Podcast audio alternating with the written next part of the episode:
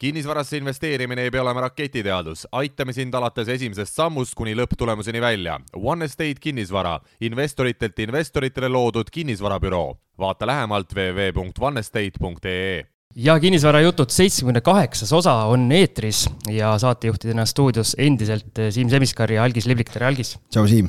Ja otsustasime siis, et kuna see suur sõda Ukrainas endiselt käib ja meil Raivo Vare ühes osas käis rääkimas siis, kui see konflikt alguse sai, et nüüd vaatame vähe ligemalt neid majanduslikke, ütleme siis tagajärgi, mis, mis kogu see sõda tuua võib. Jaa, sest tegelikult ümberringi on nii palju teadmatust ja, ja iga päev siin loed mingeid uudiseid, inimesed küsivad, seisukohti on seinast seina ja ja sellest tulenevalt mõtlesime Siimuga, et hea oleks siis üks tark inimene laua taha võtta ja küsida, et kuidas siis tegelikult asjad on. Ja loomulikult me selle targa inimese laua taha ka leidsime ja leidsime sellise mehe, kes siin ka viimastel nädalatel pidevalt meedias figureerinud on, erinevates saadetes käinud. Ja ma ütlen kohe ette, et me salvestame seda osa kahekümne teisel märtsil, et kuna selline väga akuutne konflikt käimas on, et siin päevadega võivad asjad muutuda, et siis teate, et kui meil see saade ükskord eetrisse tuleb, siis äh, mõningad asjad võivad juba olla muutunud. aga minu teada see äh, inimene, kes meil praegu külas on, oli täna hommikul äh, suisa Terevisiooni stuudios või kuskil ETV stuudios igatahes. meil on, meil on täna külas siis LHV majandusanalüütik Kristo Aab, et tere, Kristo. tervist. on mul õige? Et sa tulid siia ETV stuudiost? jah, jõudsin vahepeal ka töölt läbi käia, aga, aga tõesti mitte siis täna hommikul, mitte küll Terevisioonis, aga Ukraina stuudios. eile olid siis Terevisioonis? eile oli Terevisioonis igapäevane juba hakkab siin telestaari karjäär koidab. jah, on seda käimist ja, ja rääkimist praegu päris palju okei okay,, aga hakkame, hakkame otsast peale võib-olla siis minema, et, et võib-olla, võib-olla lühidalt alguseks äkki, äkki ütledki, et, et see sõda nüüd kuu aega, noh, jämedalt äh, kestnud, et äh, et milliseid järeldusi või muutusi me tänases äh, Eesti majanduskeskkonna kontekstis siis välja tuua saame? noh, kuu aega sõda on, on sõdivatele pooltele kindlasti hästi pikk aeg. majanduse kontekstis tegelikult kuu aega on, on, eks ole, ainult sihuke silmapilgutus, et et selle ajaga nagu midagi suurt ei muutu ja, ja kui, kui siin ütleme kõik need, kõik need viimase aja käimised ja, ja kommentaarid ähm, väga palju keskenduvad ka sellele, et äh, näiteks, et kuidas siis äh, kehtestatud sanktsioonid Venemaad on juba mõjutanud ja sealset majandust või et siis äh, tegelikult noh, tuleb tõdeda paraku, et, et see, see, mis praegu toimub majanduses, mida me näeme nii Venemaal, osaliselt ka siin Eestis, et see on kõik tegelikult selline natuke sihuke emotsioonide ja, ja, ja niisuguse kerge paanika pealt teht-, tehtud nagu äh, Äh, või tekkinud, äh, tekkinud sündmused ja, ja tehtud otsused mõned, et et äh, ega need sanktsioonide mõju nagu või, või ütleme siis selle sõja mõju nagu väga teravalt ju veel ei ole majandusse nagu jõudnud. et jah, me näeme Eestis sõjapõgenikke tuleb järjest siia juurde tuhandete kaupa, aga noh, ka tänasel päeval tegelikult see ei ole meile veel väga suurt mõju avaldanud. kui need inimesed nüüd hakkavad nagu liituma meile tööturule, mida nad ka otsapidi juba teevad Äh, siis, siis noh, siis on sellel kindlasti mõju olemas, aga jah, et täna me nagu võib-olla seda veel äh, väga täpselt ei näe, et äh, tõsi, kui, kui see saade eetrisse läheb siin mõne aja pärast, et siis, siis on need ilmingud ilmselt juba tugevamad, et et siin on sellist liikumist nagu noh, tõsiselt iga päevaga võivad asjad muutuda mul on selline vaheküsimus sulle, et majandusanalüütik, mida ta igapäevaselt teeb, kas sinu asi ongi igapäevaselt uudistesse scroll ida, panna need erinevad uudised kokku ja hinnata, mismoodi võiks mõjuda see nii-öelda Eestile ja kogu maailma majandusele, et põhimõtteliselt kogu aeg nina uudistes? Eh, noh, paraku see on, see on üks osa tööst jaa, et, et tuleb nagu võimalikult hästi kogu, kogu maailma asjadega kursis olla, et eks see natuke oleneb, et mis see skoop on sellel analüütikul, et kuna minul on selline noh, üsna majanduseülene, et mitte, et ma ei ole seal keskendunud mingisugusele, mingisugusele valdkonnale nüüd majandusest. et siis paratamatult on ka sellist lugemist ja jälgimist rohkem. aga noh, samas on ka teisi väljundeid, et, et siin viimastel, viimastel päevadel ja nädalatel on, on, tekib see kogu aeg see tunne nagu, et et käimist ja rääkimist on nii palju rohkem, et ei jõuagi tegelikult ise enam kõike lugeda ja kõigega kursis olla, et selles mõttes on hästi huvitav, et kui saab olla noh, mingites sellistes kas podcast'i vormides või, või, või saadetes või kus iganes, siis äh, teiste analüütikutega koos või, või, teiste inimestega koos, et siis äh, kuuleb ka nende mõtteid, alati leiad enda jaoks midagi uut, et mida ise ei ole nagu jõudnud äh, kuskilt nagu täheldada. et see infovoog on ju tänapäeval nagu nii suur, et, et noh, tavaliselgi ajal läheb, on, on raske seda kõike läbi töötada. et nüüd siis eriti veel. sa ütlesid sellise lausekatke, et tavaline aeg, aga ma siin küsin sinu käest, millal viimase, viimane selline hea aeg majanduses oli, et meil on siin olnud äh, see Covidi äh, kriis, siis on olnud äh, kõik see energiakandjate kriis, et üks kriis ajab teist taga ja nüüd on nii-öelda see sõda, et millal viimased head ajad olid? jah, tõsi, ma enne kui ma LHV Panka tööle läksin, siis ma töötasin Eesti Pangas. ja, ja sealt ma siis liikusin edasi kahe tuhande üheksateistkümnenda aasta alguses ja noh, see kaks tuhat üheksateist aasta oli selline. mõnus. oli selline selles mõttes mõnus, et, et, et ühest küljest noh, analüütik ütleb, et, et natukene igav võib-olla aga teisest küljest, kui, kui analüütikul on igav, siis see tähendab, et asjad jooksevad stabiilselt, eks, ja, ja suuri, suuri selliseid võnkeid kuskil sees ei ole, et, et oli nagu rahulikum aeg. aga noh, tõsi, pärast seda on, on, on elu olnud nagu Ameerika mägedel, et üles-alla ja ja, ja just väga hästi ütlesid, et äh, hiljuti siin just ühe oma ettekande,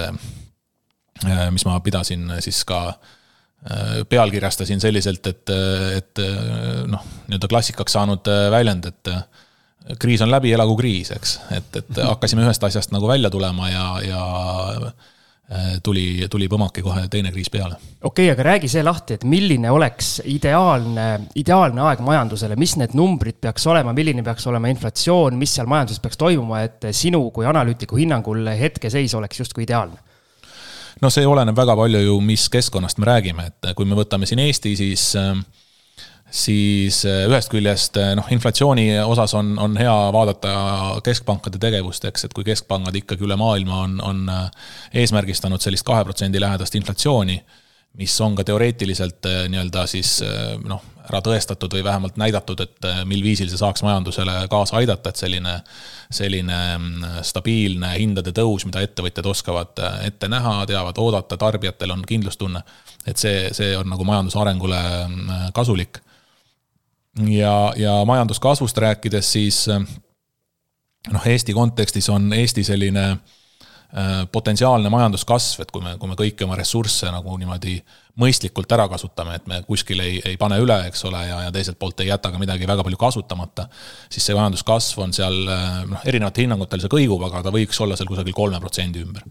et äh, võib-olla niisugused kaks numbrit, et mis Eesti, Eesti kontekstis noh, võiks nagu tähele panna, on ju, et äh, viimastel aastatel meie majanduskasv on olnud kiirem, aga, aga samas äh, noh, seda on ka tunda ja näha olnud, eks, et, et meil on teatud sektorites hinnakasv kiirem olnud, tööjõust on puudu jäänud, et me oleme nagu kasvanud natukene üle oma võimete, mida me pikaajaliselt tõenäoliselt ei suuda teha ja siin ma kohe jõuakski järgmise küsimuse juurde ka tegelikult, et meil on äh, viimase aasta jooksul on tegelikult inflatsioonist, kõrgest inflatsioonist nagu päris palju juttu olnud ja aga nüüd äh, siin viimastel kuudel on tulnud äh, selline termin nagu stagla-, stagflatsioon on tulnud käibele, on ju, et siin väga paljud võib-olla ei teagi, mis see nagu tähendab, et et äkki sa selgitad meil kuulajatele ka ära, et, et kui me nüüd peaksime sisenema sellisesse keskkonda, et kui suur see tõenäosus on ja, ja mida see siis tähendab, et kui me muidu oleme inflatsioonist rääkinud, et mis nüüd siis muutub? No lühidalt öeldes staglatsioon on, on nii-öelda kaks asja kokku panna, et et kui tavaliselt sellises inflatsioonilises keskkonnas kõrgema inflatsiooniga keskkonnas kipub ka majandus kiiremini kasvama, et need käivad nagu omavahel käsikäes, et kui majandus kasvab kiiremini nii-öelda noh, sektorid sul buumivad, kuskil tekib tekib nagu puudujääk, ehk et pakkumine ei suuda nagu nõudlusele vastata ja, ja see viib hinnad üles, ehk et see inflatsioon käib majanduskasvuga kaasas siis äh, staglatsioonis on, on nagu kokku pandud sellised, ähm, sellised nähtused, et kui hinnad kasvavad, tõenäoliselt siis mingi välise faktori äh, või välise teguri näol, nagu meil ka praegu tegelikult on, ja, ja samal ajal äh, majandus ei kasva eriti, ehk et majandus, majanduskasv püsib seal, püsib seal nulli ümber või, või seal paigal nii-öelda. et siis, siis seda peetakse või selle kohta on selline väljend, et staglatsioon. ja noh, võib-olla võib-olla tasub nagu ähm, ka meeles pidada seda või, või mõelda selle peale, et et selliseid majanduslikke nähtuseid või sündmuseid tuleb alati vaadata pikemas perioodis, et et kui meil noh, on siin, ma ei tea, pool aastat näiteks majandus ei kasva ja hinnad on kõrged, siis, siis seda ei ole põhjust kohe pidada stagflatsiooniks, et Eesti kontekstis võib-olla ka kui meil aasta aega noh, ütleme siin näiteks käesoleva aasta majanduskasv tuleb sinna kusagile nulli ligidale, aga hinnakasv on kõrge siis, siis ka see ei ole nagu tegelikult veel noh, teoreetiliselt võiks selle kohta öelda justkui stagflatsioon, aga ta noh, ta, ta tahaks tegelikult natukene pikemat aega, et, et see, see nii-öelda see mõju, mida selle all tegelikult mõeldakse, et see, et see esile tuleks, et, et sellised järsud, järsud sündmused, eriti kui see on nii-öelda nagu noh, põhjustatud, põhjustatud riikide endi otsuste poolt et siis ähm, see ei ole võib-olla päris see, mis, mis see nii-öelda algne stagflatsiooni äh, idee on olnud ehk siis lihtsustatuna öeldes, inimese rahakotis lihtsalt raha jääb vähemaks, sellepärast et äh, kui majandus ei kasva, reeglina palgad ka ei kasva äh,, hinnad lähevad eest ära, siis tähendab lihtsalt seda, et, et äh, see kindlustunne väheneb, ostujõud väheneb. jah, ostujõud on võib-olla üks selline, üks selline peamine või väga hea mõiste nagu siin mängu tuua, et, et jah, inimeste jaoks hinnad kasvavad äh, nende ostujõud väheneb, nüüd noh, küsimus on jälle selles, et äh, kui palju see otseselt äh, keda mõjutab, et kas see stagflatsioon äh, noh, kas ta lööb nagu tarbija, tarbija hinnakorvi nagu sellise väga valusalt või kui me räägime ainult näiteks mingisugusest ainult toormehindade, jätame näiteks nafta või gaasi siin praegu kõrvale, aga räägime sellistest tööstustoormetest nagu metallid, puit, et kui sellised hinnad kerkivad kõrgesti, siis see tegelikult ju tavatarbijat noh, otseselt esialgu ei mõjuta, et ta hakkab küll kaudselt äh, jõudma ka teistesse hindadesse, kui see pikalt püsib. aga, aga jah, oluline on see, et, äh, et selle tarbija jaoks äh, nagu peaksid tõusma siis sellised noh, mis need peamised on, eks ole, majapidamise kulud, küttekulud siin, siin nii-öelda kliimavöötmes. ja, ja kindlasti toiduainete kulud, mis on, mis on suur osa sellisest keskmisest tarbijakorvist et äh, kui, kui need kulud tõusevad ja, ja inimeste sissetulek äh, samal ajal äh, noh, ei suuda sellega kaasas käia, siis see kindlasti, kindlasti inimeste rahakotti mõjutab. aga kui me nüüd võtame selle, et sa alguses ütlesid ka, et noh, et ukrainlasi tuleb, sisenevad tööjõuturule, mis tähendab seda, et tegelikult äh, nii-öelda noh, kõikidel ei ole tööd võtta võib-olla ja, ja, ja teistpidi on jälle see, et enamus tegelikult nendest võib-olla ei ole noh, seal on igasuguseid inimesi, ma ise ka näen, kes käivad üürikorterit vaatamas, et seal on, on tippspetsialiste, kes tulevad äh,, aga valdav osa ikkagi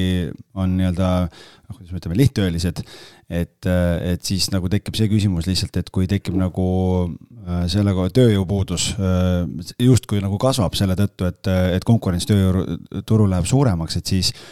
et äh, kuidas sa hindad, et mida see nagu kui me räägime sellest. Äh, algis, kas sa jõuad küsimuseni ka? ja, ja ei, ma mõtlen just seda, et kas see, kuidas see võib nagu palgasurvele mõjuda, et mida, kumba pidi see tõenäoliselt nagu minna võib? et kas see pigem nagu tõstab palkasid või pigem tõmbab allapoole? Äh, no ma ei usu, et praegune see põgenike lisandumine meie tööturule palkasid otseselt tõstaks. Äh, selle, sellele nagu head põhjendust on raske leida Äh, mõte, millega on mängitud, on, on see, et see võib äh, palgasurvet vähendada ehk viia palgad alla, kuna, kuna siis äh, nendele Ukraina sõjapõgenikele mm, hakkab kehtima see Euroopa Komisjoni poolt pakutav nii-öelda ajutise kaitse lahendus, ehk et neid võib siin, siin siis arvestada tööturu kontekstis kui alalisi elanikke, et neile ei pea maksma seda äh, välismaalaste seaduse alusel kehtestatud äh, keskmist töötasu ja, ja, ja tippspetsialistidel seal veel kõrgemat. et teda võib nagu kohelda kui täitsa, täiesti tavalist ähm, eestlast tööturul. ja, ja noh, paraku see oht on, et, et sellises, sellisel ähm, selles kontekstis siis äh, ettevõtjad saavad hakata ka noh, nii-öelda madalamat palka maksma, kuna, kuna tõenäoliselt noh, seal on ka selliseid objektiivseid põhjuseid ilmselt, et tööjõud, see Ukraina tööjõud ei pruugi olla ju ähm, selles mõttes väga stabiilse loomuga, et, et noh, nad võivad noh, praegu ei, ei oska öelda, eks, aga nad võivad ju ka kiiresti lahkuda siit, kui, kui sõda peaks lõppema ja, ja paljud on vähemalt ju öelnud, et nad tahavad kodumaale naasta võimalikult kiiresti. ehk et ka ettevõtjal on tegelikult selline natukene määramatus selle, selle tööjõu palkamisega Äh, aga noh, eks teisest küljest on ka selline, et noh, need inimesed tulevad äh, madalama sissetulekuga keskkonnast, nad, äh, nad on harjunud madalama, madalama sissetulekuga ja ja eks ettevõtjad noh, tahavad ja suudavad ja oskavad seda ka ära kasutada, et, et enda nii-öelda kasumlikkust üleval hoida. täna, tänaseks vist veel noh, see tööturu või põgenike palkamine on veel nii selles mõttes siin lapsekingades, et väga, väga palju infot selle kohta ei ole. Kuigi isegi tänaseks on jah, esimesed sellised mingisugused uudised on juba tulnud selle kohta, et ettevõtjad on siis neid nii-öelda turutasemest natuke madalama hinnaga püüdnud värvata. Et selle teatud mõttes küll võib-olla lühiajalises perspektiivis, nagu sa ütlesid, aga see seab ikkagi tegelikult nagu eestlase natukene lah-, lah-, lõhkise küna ette, et sul on äh, ühest küljest hinnad tõusevad, äh, teisest küljest, kui tekib nagu surve selle koha pealt, et võib-olla tööandja võtab mingi ukrainlase nagu madalama palgaga tööle, et tekib nagu palgasurve selle koha pealt, et siis see nagu selles mõttes võib seda olukorda veel nagu süvendada, et, et läheb keerulisemaks? no me oleme praegu ikkagi sellises, sellises olukorras majanduses, kus me pigem võiksime rääkida tööjõupuudusest, et mis, mis siis Eestis nagu oli, oli suuremaks probleemiks kui, kui tööpuudus. et noh, ma tean, on, olen ka ennem saanud selliseid, noh, tõenäoliselt iga analüütik on saanud selliseid äh,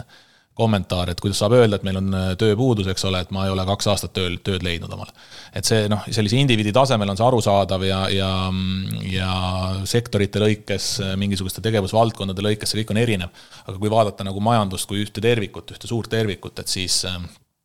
siis meil tegelikult nagu tööpuudusega väga suuri probleeme siin ei olnud, et eelmine aasta oli vist kuus protsenti meil tööpuuduse määr viienda, viimases kvartalis oli ta seal veel väiksem, kusagil viie protsendi juures või, või natukene pealt viie vist et äh, ega, ega sellest väiksem tööpuuduse määr Eesti jaoks ei olegi äh, nagu noh, väga mõistlik, et see hakkab siis juba liigseid palgasurveid tekitama. ehk et äh, mis ma tahan sellega öelda, et eestlased tegelikult noh, meil justkui ei tohiks olla praegu seda olukorda, et need põgenikud tulevad ja võtavad nüüd kellegi eestlase töö ära, vaid nad tulevad justkui nagu lisanduvaks tööjõuks mis, mis siis noh, teisest küljest, eks ta aitab ka jälle ettevõtetel, ettevõtetel laieneda ja, ja nii-öelda noh, võib-olla tootlikumad olla või kasvatada oma oma toodangut, et et see on, see on nii ja naa, et ma, ma jah, selles mõttes ei, ei, ei tõmbaks nagu sellist paralleeli, et siin nüüd see nende ukrainlaste tööle võtmine võib-olla natukene madalama palgaga mõnes kohas, et see nüüd otseselt siis eestlaste rahakotile väga mõjuks kuidagi. Kas selline ootus on nagu sinisilmne, et meil siin Covidiga see kuidas me ütleme, see nii-öelda turismisektor löödi maatasa sisuliselt, et ukrainlaste abil äkki turismisektor saab jalad alla, et võtavad veidi odavama, odavama otsa need töökohad enda hallata. nii-öelda kõik räägivad, et ukrainlased on nii-öelda töökas rahvas. et ja siin paljud on nii-öelda näidanud ka, et siin juba kohe tahetakse tööle minna, et mis siis alles ju sõjakoldest jõuti, et kas see on sinisilmne ootus minu poolt? Ehm, noh, ehm, ennem seda sõja puhkemist oli tegelikult ju päris mitu suurt sellist äh, turismiga seotud ettevõtet andis teada, et äh, kuidas nad äh, on nii-öelda launch inud omal suured värbamiskampaaniad, et oli juttu isegi tuhandetest inimestest, keda tagasi tööle otsitakse, eks ole, noh, kui me räägime, kas näiteks Tallink on ju, või, või siis mingisugused suuremad Tallinna hotellid kas või. Ehm, ja, ja see, see on nagu selgelt üks selline Äh, üks selline segment, kus need äh, Ukraina inimesed äh, saaksid tõenäoliselt leevendust pakkuda. aga, aga nüüd, et kas see nagu meie turismisektorit päästab, et siis, ähm, siis siin on ikkagi teised tegurid, et meie turismisektorit päästaks see, kui, kui inimesed reisima hakkaksid ja, ja meile välisturiste tuleks jälle et äh, siin noh, et me võime need ukrainlased tööle võtta, aga kui neil ei ole kedagi teenindada, siis, siis sellest ei ole suurt tolku. ja, ja, ja selles osas äh, selles osas ei ole nagu selle sõja ja, ja, ja ka noh, nende põgenikevoogudega seoses kindlasti midagi paremaks läinud, et äh, ma olen natukene kahe vahel, et, äh, et kas see nüüd ka midagi väga palju halvemaks on muutunud, äh, muutnud, et noh, justkui see julgeoleku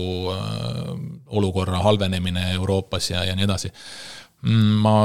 ma veidi noh, ütlen, et veidi ma olen kahtlev selles osas, et ma arvan, et see tänaseks vähemalt ei ole veel olulist sellist mõju avaldanud e,. muidugi esimesed nii-öelda, kui veebruari lõpus sõda puhkes, siis, äh, siis esimesed nädalad noh, praktiliselt kõikides äh, tegevusvaldkondades võib öelda, et oli selline šokk ja, ja, ja kindlustunde langus aga väga paljudes äh, kohtades on sellest ka üle saadud praeguseks ja, ja tegevus on nagu noh, võimaluste piires on ta siis jätkunud samal moel, nii et et äh, jah, selles mõttes turismisektoris ikkagi on väga oluline see, et need äh, rahvusvahelised äh, reisid ja, ja see selline üldse üle, ülemaailmne nii-öelda mm, reisimine või, või turismivood, et need taastuksid aga siinkohal on siis hea ära küsida, et, et teil seal pangas kindlasti hästi palju rahvusvahelisi kontakte ja, ja kuidas on äh, muutunud see meie nii-öelda Venemaa piiririigi staatus just äh, välisinvestorite silme läbi ja nagu sa ütlesid, et äh, algus oli šokk, kui Ukrainat rünnati, et päris palju on meedias olnud selliseid pealkirju, et nüüd on Baltikum järgmine ja nüüd on Soome järgmine, kes iganes see järgmine siin peaks olema, et kas nii-öelda välismaalt sealt Lääne-Euroopa poolt vaadatakse ka, et ai, et, et see Eesti on ikkagi natuke liiga ligidal, et, et ei julge sinna investeerida, ei julge sinna panustada? ma arvan, et see ei ole, see ei ole väga palju mõju avaldanud tänaseks veel vähemalt. mõtleme sellele, et kes olid need riigid, kes siia meil on investeerinud, need on olnud äh, Soome, Rootsi ehk siis siin noh, ümberkaudsed riigid ja ka, ka siit Lääne-Euroopast Saksamaad ja, ja teised riigid. aga need riigid on tegelikult kogu aeg teadnud, mis olukord on ja ega, ega selles mõttes, kui, kui ettevõte mõtleb oma noh, mingit suuremat investeeringut tehes noh, ma ei tea, kümme aastat, viisteist aastat ette, siis, siis ka enne selle sõja puhkemist oli Eesti ikkagi endiselt Venemaa piiririik ja, ja see poliitiline risk nii-öelda noh, oli kogu aeg olemas, et tänaseks on see risk lihtsalt mõnevõrra realiseerunud, mitte siin Eestis, natukene teises kohas. aga, aga tegelikult noh, ka kui mõtleme Eesti, Eesti nii-öelda Äh, poliitikute ja selliste riigijuhtide väljaütlemised peale, äh, ka praeguste ja, ja ka eelmiste, siis äh, tegelikult noh, natukene on ju sellist, ma ei tea, kui Twitteri voogusid seal jälgida või midagi, et natuke on sihukest I told you so nagu lähenemist, et me oleme aastaid rääkinud, et, et noh, Venemaa on ettearvamatu ja, ja ohtlik ja nii edasi. ja, ja sellest noh, et kui palju siis sellest on välja tehtud, on nagu iseasi, on ju, et seda hoogu on nagu püütud maha võtta. aga noh, tõenäosus, et, et need ettevõtted, kes siia noh, on enne, ennemalt investeerinud ja, ja ka seda praegu teevad äh, või, või tulevikus teevad, siis noh, see eeltöö ja mis enne suuri investeeringuid ära tehakse, on ikkagi üsna põhjalik ja nende riskidega, ma arvan, et ollakse väga hästi kursis.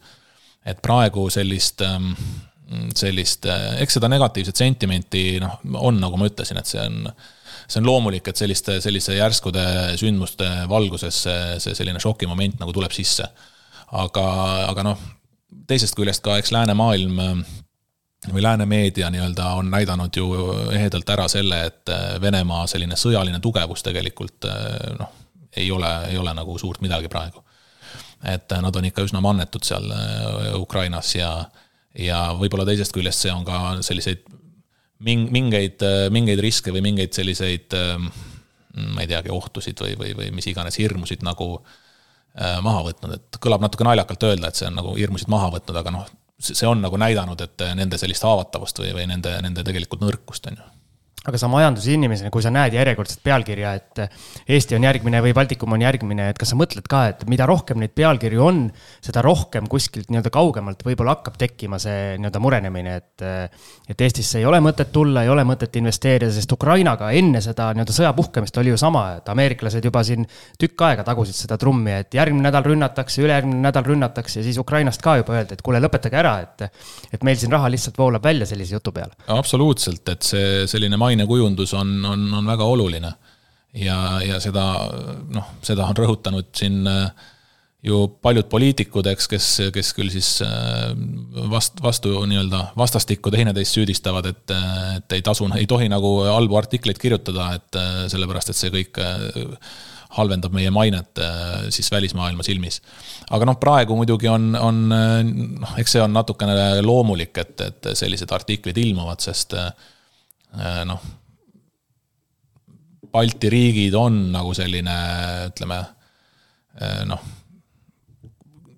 kuidas öelda, et kui, kui nagu sõjaanalüütikuid kuulata kasvõi, et siis nemad ütlevad selle kohta, et vaadake kaarti, eks, ja te näete, et kus, kus selline järgmine oht nagu paikneb. sest üle meie hüpata ei saa. üle meie hüpata ei saa täpselt ja, ja, ja võib-olla siis siin noh, vahepeal Poola ja need on natukene liiga suured, suured, keda kohe hammustama minna, eks et äh, see on natukene, noh, see on loomulik, et sellised hirmud on ja sellised artiklid, ähm, artiklid äh, nagu noh, valmivad ja, ja meediasse jõuavad, et äh,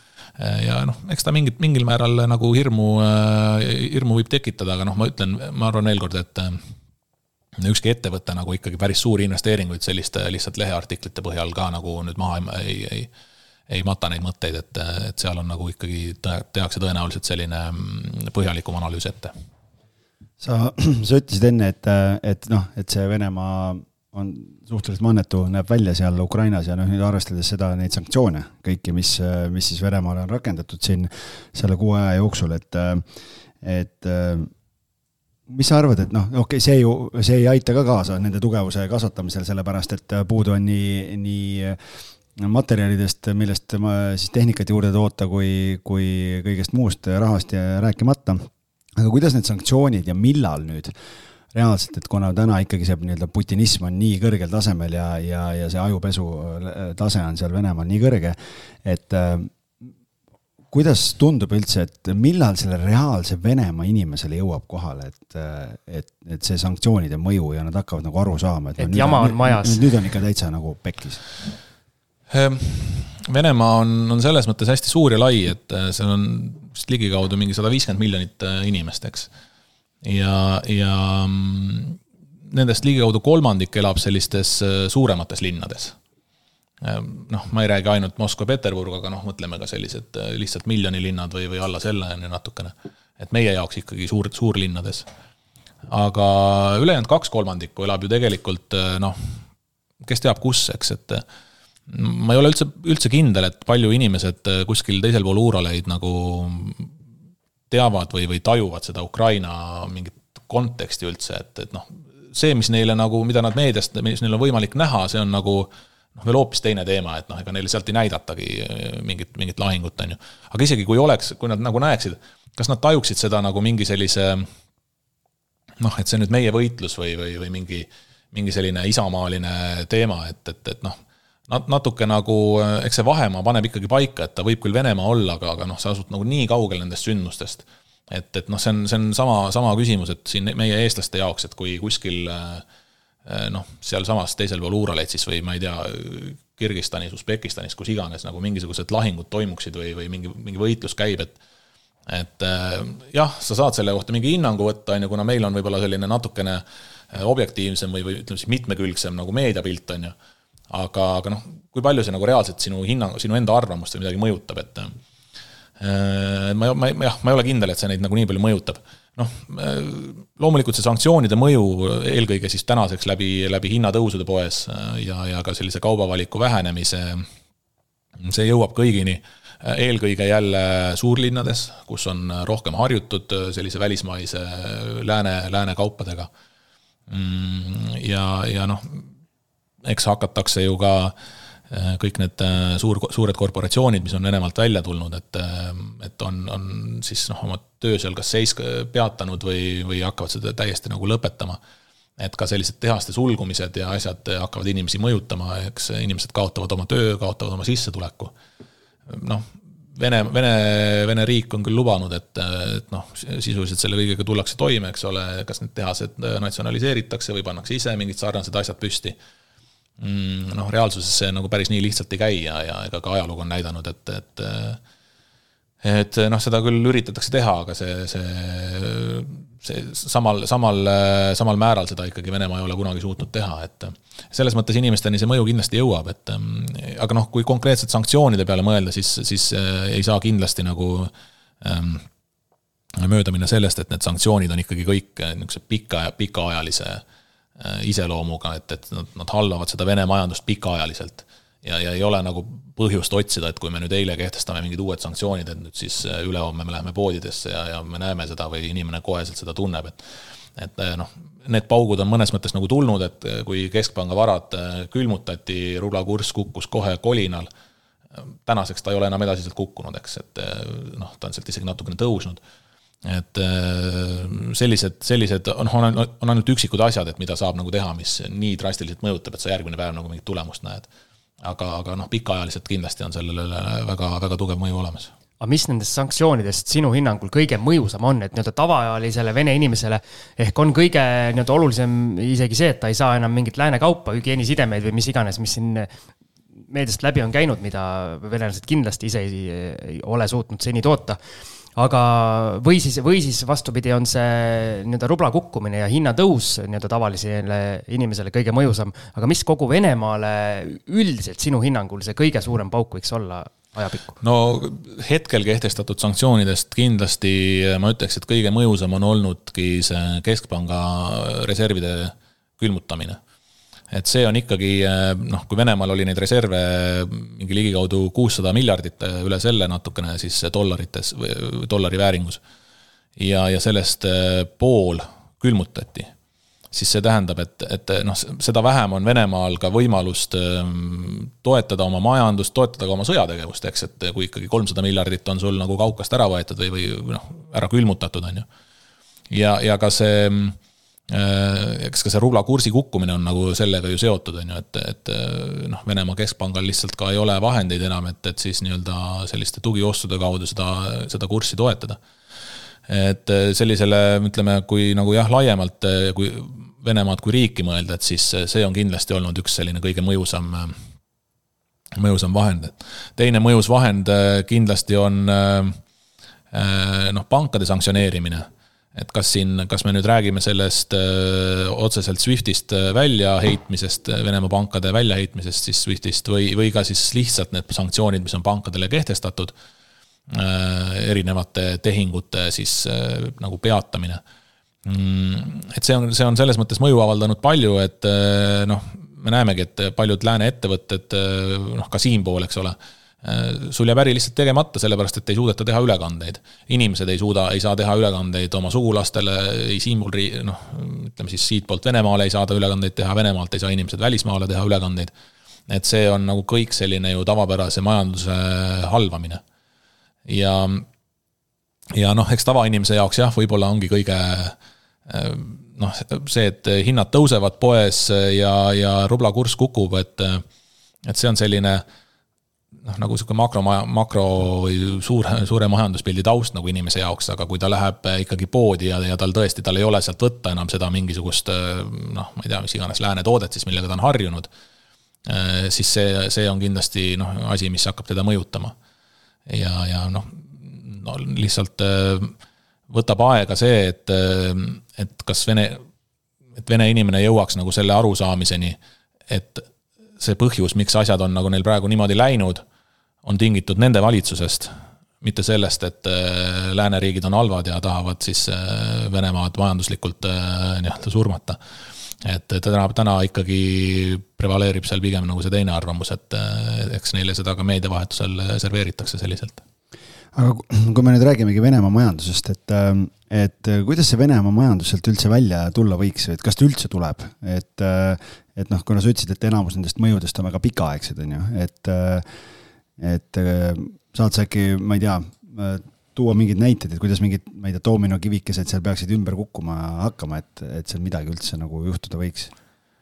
Ehm, noh Nõukogude Liit lagunes kolmkümmend aastat tagasi, eks, et äh, tänaseks oli Venemaa siis jõudnud ehitada ennast sellisesse staadiumisse, kus nad olid. Ehm, väga raske on öelda, kuidas nad sellest välja peaksid tulema, et eks see oleneb väga palju ka nende enda noh, ühest küljest nende juhtkonnast, eks, kas seal toimuvad mingid muudatused, kas seal toimub selline ehm, ma ei tea, siis tõeline nii-öelda demokratiseerumine või, või mida, mis, millega lääne, läänemaailm nagu nõus oleks ehk et noh, millele ma, millele ma nagu viitan, on see, et äh, kui palju neid sanktsioone nagu tagasi hakatakse keerama. Mm, tõenäosus on see, et, et ähm, see, see maine noh, jääb Venemaale ikkagi väga pikaks ajaks külge. ja, ja paraku, kui mõelda ka eelmiste selliste eelnevate sanktsioonide peale, mis on kehtestatud kas Iraanile või, või või ma ei tea, Põhja-Koreale või kellele iganes, et siis äh, siis eh, jah, majandus on halvatud, aga üldiselt ega see mingit režiimi muutust otseselt ei ole nagu ellu kutsunud. ja, ja noh, et kõike arvesse võttes ka seda eelnevat juttu, et kuidas Vene, selline tava Vene elanik on ikkagi nagu väga, väga selgelt selle propagandamasina küüsis, eks ole, et et siis noh, ma, ma ju, ma ei, mul on nagu raske näha, et see praegu, need sanktsioonid nüüd otseselt peaksid nagu ellu kutsuma seal sellise mingisuguse suure revolutsiooni, et selleks seal ma arvan, et seda läänemeelset, läänemeelset elanikkonda ikkagi jääb nagu natukene väheks, et, et seda ellu viia. Need on kõik ära sõitnud sealt? Neist on terve osa on ära sõitnud jah, et eks neid on seal alles ka, aga, aga aga jah, et, et kui noh, mõelda, et võivad olla nagu mingisugused suured protestinumbrid, et kui me noh, näeme mingeid uudiseid, et ma ei tea, Peterburis tuleb mingi viis tuhat inimest tänavatele, eks, et noh, tegelikult on suur arv, viis tuhat inimesi tuleb tänavatele. aga Venemaa kontekstis see on nagu mitte midagi, eks. et, et selle pealt nüüd hakata nagu mingeid muutusi tegema et see, see jah, ei ole ja, ja noh, ka, ka need, et need sanktsioonid on nüüd kehtestatud mingitele oligarhidele ja, kellele, et noh, on nagu aeg näidanud, et. või kas siis praegused need mõned nädalad siin on juba näidanud, et ega sellel tegelikult nagu väga suurt mõju ei ole, et seal see otsustus käib ikkagi, otsustamine käib nagu väga väikeses ringis aga kui reaalne on Euroopal ja üldse kogu maailmal nii-öelda Venemaaga see majanduslikud suhted täiesti nullini viia? on see üldse reaalne ja kui valus see nii-öelda meie poolele saab olema? ma arvan, et see ei ole päris reaalne, et kui Venemaa on ikkagi maailma noh, väga paljude toormete tootmises, kaevandamises on ta, on ta ju eesrinnas, et noh, maavarade poolest väga rikas riik ja, ja väga, väga mitmekesiste maavaradega riik. et kui, kui kõik nii-öelda suhted äh, nulli viia, siis, ähm, siis noh, ka meie enda selline elatustase või elujärg või, või see ikkagi oluliselt, oluliselt halveneb. ja ma ei usu, et selleni, selleni nagu minnakse, et äh, noh, kasvõi kui mõelda näiteks, et äh, mikrokiibid, millest on, on ka nagu siin enne seda palju juttu olnud, et meil oli suur mikrokiipide puudus ja, ja praeguseks on ka ju piiratud nagu sellist mikrokiipide eksporti siis Venemaale, et see on ka üks selline sanktsioonide äh, Eh, osa, siis tegelikult jällegi, et neid mikrokiipe toota, siis selleks mitmed olulised koostisosad tulevad suures osas Venemaalt. ehk et noh, need on kõik on nagu tänapäeval see majandus on omavahel nagu nii seotud, et. nokk kinni, saba lahti. nokk kinni, saba lahti, täpselt, et võtame kasvõi Eesti, eh, siis kui, kui sõda puhkes ja, ja nii-öelda kiirelt esimesed hinnangud sellele, et mis meie need seosed on olnud, on siin Venemaaga noh, need peavad tänaseks ka paika, eks sellises äh, suures plaanis, et eksport äh, meil enam väga palju Venemaale ei liigu, nagu majandusest terviku või ekspordist tervikuna väike osa. meil on äh, läbi siis toorme impordi on meil seosed, on see siis metalli import, puidu import, loomulikult nafta ja gaasi import, eks. ja noh, alguses oligi nagu selline, et noh, väetised ka ja nipet-näpet, eks, mõned asjad aga nüüd, mida aeg edasi läheb, mida päevad edasi lähevad, siis järjest enam ja enam tuleb välja selliseid mingeid üksikuid, siukseid väikseid, äh, väikseid mingisuguseid nöörikesi, et kust kaudu need seosed ikkagi nagu äh, jõuavad jälle mingit ringi pidi sinna Venemaale välja. et kui meil ei ole otsest seost Venemaaga, jah, ma ei tea, me impordime mingit asja Poolast, mingit asja Leedust, mingit asja kuskilt äh, Lääne-Euroopast, aga kust nemad selle saavad, kust nemad toorme selle jaoks saavad? et ähm, see on ikkagi väga palju läbi põimunud ja, ja selline totaalne nulli keeramine, noh, see tähendaks nagu täielikku maailmakorra muutust, et et ma sellesse ei usu ja, ja, ja noh, ka nende sanktsioonide osas, et on ju hea näide on tegelikult see, et seal Euroopas ikkagi sihukest energiakaupade embargot ei ole peale pandud ja ja ka eileõhtused viimased kohtumised siis äh, nüüd siis lindistamise hetkel, eks ole, viimased kohtumised on, äh, näitasid seda, et, et äh, noh, see tundub, tundub suhteliselt raske seda üksmeelt äh, leida siin Euroopas, et, et see gaasiimport või naftaimport Venemaalt ära lõpetada. ja, ja noh, just sellel põhjusel, eks, et me ise, ise siis teatud riigid kannataksid sellest väga palju ja, ja riigid ei ole valmis nagu seda otsust tegema. aga mis sa arvad, kas vähemalt see nii-öelda sentiment muutub, et hakatakse vähemalt üritama leida kõigi kõikidele nendele toormetele mingit alternatiivset äh, varianti edaspidi või mingil hetkel, kui see nii-öelda aktiivne tegevus, äh, see sõjategevus peaks lõppema, siis äh, on ka nii-öelda meie sõpradest Saksamaa ja Prantsusmaa, kes iganes, on väga varmad kohe nii-öelda tagasi normaalsuse poole liikuma, et saaks ainult seda Venemaa gaasi ja naftat? ma arvan, et need on selles mõttes kaks eraldi küsimust, et ähm, kindlasti hakkab, äh, kindlasti toimub see, see nii-öelda eemaldumine Venemaast. tegelikult äh, noh, see eemaldumine ju ka enne seda sõda juba nii-öelda paberite peal vähemalt toimus, et plaanid olid olemas, eks ole, kuidas energiajulgeolekut äh, parandada, kuidas Venemaa gaasist loobuda. enne sõda vist oli aastaks kaks tuhat kolmkümmend äkki minu meelest see plaan meil võetud. et kuidas sellest Venemaa gaasist loobuda ja nii edasi et ähm, noh, need plaanid on kogu aeg olnud ja, ja nüüd on võib-olla see, see vajalikkus ja, ja nende plaanide nagu selline tõsidus on, on lihtsalt rohkem esile tulnud ja sellega tegeletakse oluliselt kiiremini. ja noh, siin proovitakse tegelikult ka ju kahte asja ühildada, et, et ka nii-öelda rohepööre, mida Euroopa siin kõvasti veab, siis siis see, see võidab ju täpselt samamoodi sellest, kui me Vene sellisele noh, ikkagi fossiilkütustel põhinevale energiale katsume Euroopas alternatiive leida, sest väga palju proovitakse seda teha kindlasti tuuleenergia, päikeseenergia abil kuigi tõsi jah, üleminekuperioodil ilmselt võetakse ka mingisuguseid söejaamasid taaskasutusele. aga, aga noh, eks, eks see on nagu paratamatu ja, ja teine pool ähm, sinu küsimusest oli, et. Äh, ja, et kas äh, siis, kui sõjategevus peaks nüüd äh, päevapealt näiteks lõppema, et siis hakatakse ah,. liikuma normaalselt. jah. kohe järjekorras kõik. ja selles osas ma olen ka kahjuks nagu pigem selline realist, et, ähm, et ma arvan, et. et oleme ikka sõbrad edasi, tuleb see. ma ei arva, et tuleb selline oleme ikka sõbrad edasi, et esiteks mul on nagu raske,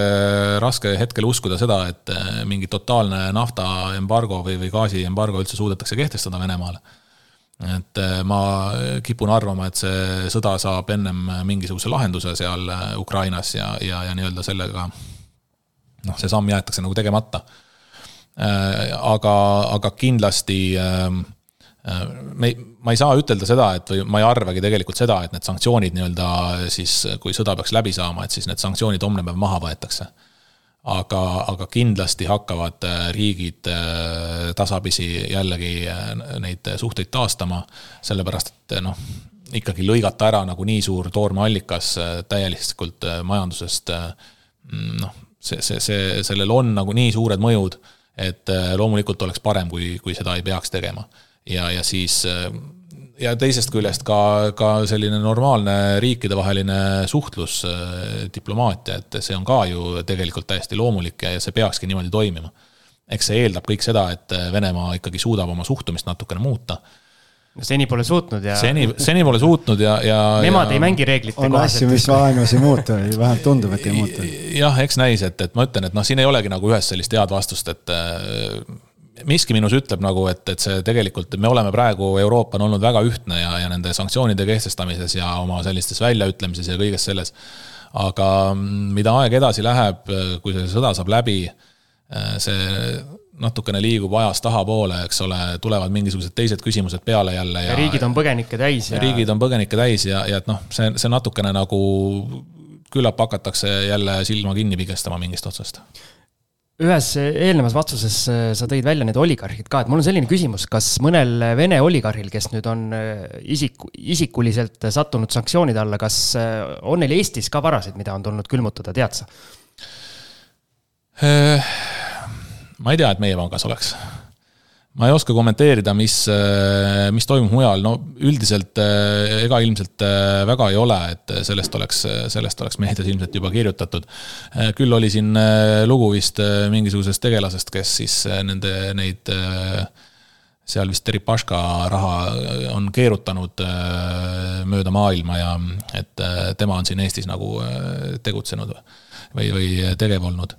aga, aga jah, ma ei tea, et noh, Eesti, Eesti pangad on ju tegelikult ka nii väiksed, et siin ei ole nagu ilmselt. siin oleks põhjust. kohe näha, kui mingid. siin oleks, siin oleks näha ja siin ei ole, siin ei ole põhjust nagu oligarhidel oma raha hoida meil äh, tavaliselt on, käib siin saatest läbi Mati Mustamäelt, aga ütleme, et on nüüd üks Oleg, on ju, äh, Mustamäelt, äh, kes satuks selliste sanktsioonide alla, on ju, nagu mis oligarhidel on need osaks saanud, et mis siis nagu reaalselt juhtub, et mis see tähendab, et varad on külmutatud, kas